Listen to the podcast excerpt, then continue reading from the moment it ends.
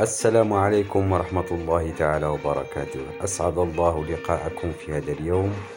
معكم البث التجريبي لقناة فكرة لكم.